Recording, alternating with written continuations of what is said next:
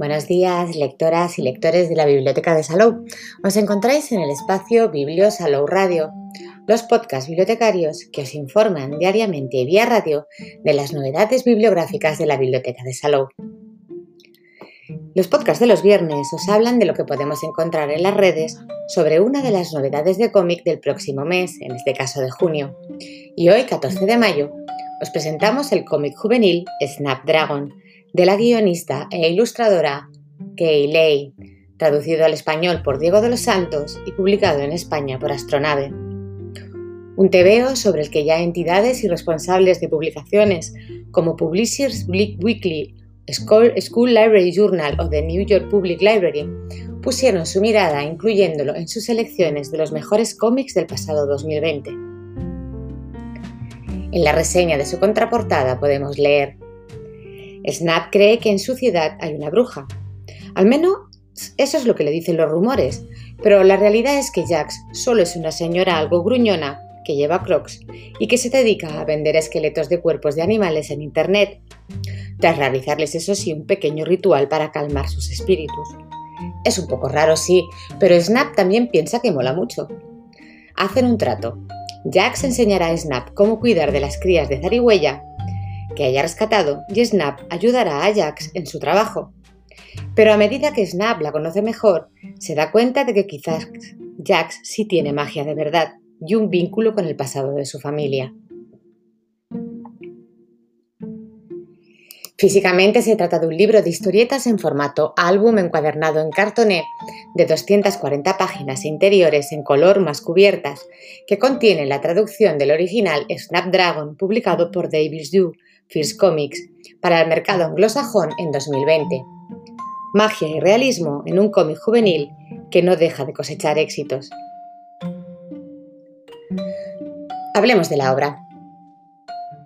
Hay muchas maravillas en este trabajo de Kay una de las guionistas y portadistas de la aclamada serie Leñadoras. Aquí, aquí presenta su primera novela gráfica como autora completa. Un cómic apto para todos los públicos lleno de buenas vibraciones en todas las páginas, de un costumbrismo mágico y, unos, y con unas grandes subtramas tratadas con normalidad y positivismo. No es de extrañar. Así, el éxito de público y crítica que va recogiendo allá donde se publica. A poco que el boca oreja se active, Snapdragon cautivará lectoras y lectores de todas las edades. Esperemos que el podcast de hoy contribuya a ello. En el caso de este cómic, debemos de pedir al lector adulto que deje atrás prejuicios derivados de etiquetas de edad. Snapdragon es un TVO cuyo público implícito son los jóvenes lectores, es verdad. Ahora bien, salvando todas las distancias, en ese sentido es equiparable a Leñadoras, de la misma autora y publicado por Sapristi en 2016 y siendo aún una serie abierta. O también a La princesa y la modista de Yang Wang, Sapristi 2018, o a Laura Den me ha vuelto a dejar, publicado por La Cúpula en 2019. Todos cómics fabulosos, transgeneracionales y de una extraordinaria riqueza de matices. A este cómic le da título su protagonista, una, una niña llamada Snapdragon o Snap cuando hay confianza, y se trata de un nombre que aunque cuenta con ciertas reminiscencias al cómic, a los conocedores de otras épocas de la Casa de las Ideas les vendrá a la mente algún que otro personaje también así denominado, y a la botánica, pues Snapdragon es el nombre con el que popularmente se conoce al Antirrhinum majus.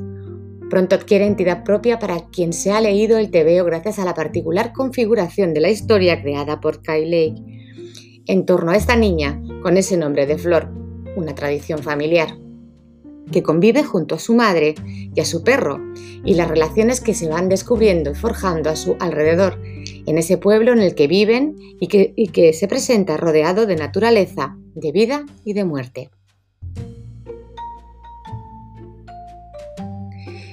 Snapdragon es un TVO muy sensorial, visualmente atractivo, argumentalmente sólido y de una aparente sencillez, que desde la cotidianidad y aspectos íntimos apela al ámbito colectivo y universal, transitando por lugares comunes como el valor de la amistad, la complejidad de las relaciones humanas, los rumores, los hilos inquebrantables que conectan personas, el camino para encontrar la propia identidad, la singularidad de las emociones, los prejuicios de afirmaciones preconcebidas o la aceptación. La trama ágil y fluida, levantada por ley, además de ofrecer una fascinante aventura, propicia interesantes reflexiones y brinda la certeza de que a nuestro alrededor existen fuerzas más poderosas que la magia. Es un relato fresco, dinámico y luminoso con un delicioso toque de fantasía que, lejos de empalagar, aporta un matiz enriquecedor a la base de realidad de la que parte. Uno de los puntos fuertes del guion es la forma en que muchos chavales pueden sentirse identificados con Snap en las situaciones del día a día planteadas. Las decisiones tomadas por la autora en la planificación argumental del guion sugieren y transmiten desde lo implícito la, la división estructural y las composiciones de páginas y viñetas. El trabajo de diseño, construcción y caracterización de personajes de ley es formidable comenzando por su protagonista de la carismática Snap, su perro buen chico, su mamá Bee o esa señora tan misteriosa y que algunos califican de bruja que despierta el interés de la niña. Todos los personajes que circulan por las viñetas alcanzan elevadas cotas de expresividad, a partir de su trazo con influencias y, referentes que pasan desde la narrativa manga al aura que desprenden las producciones del estudio Ghibli o los trazos de Kriksen. La decomposición de las diferentes escenas y la pertinente integración en su escenario o fondo son de una fuerza extraordinaria. Las onomatopeyas, líneas cinéticas y otros elementos del lenguaje del cómic obran su parte de magia en el dinamismo del relato. Por otra parte, la forma y naturalidad con que confluyen los diversos intereses de los personajes da pie a desarrollar una serie de temas y subtramas que se articulan con total naturalidad en el arco principal.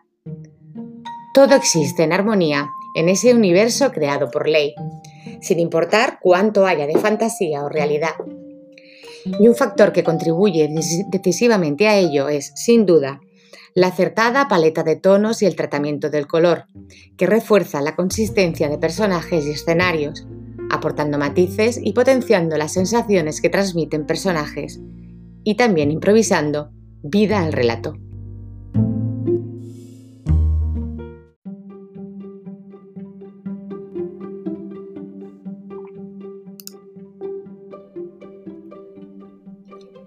Snapdragon ofrece que cualquier lector, desde niños, adolescentes o adultos, pueda encontrar desde una aventura que atrapa, un slice of life con detalles de fantasías, un coming of age, pero independientemente de la edad del lector, todos coincidirán en, en que su lectura es una experiencia muy disfrutable y es una buena historia que encandila por la capacidad narrativa de su creadora.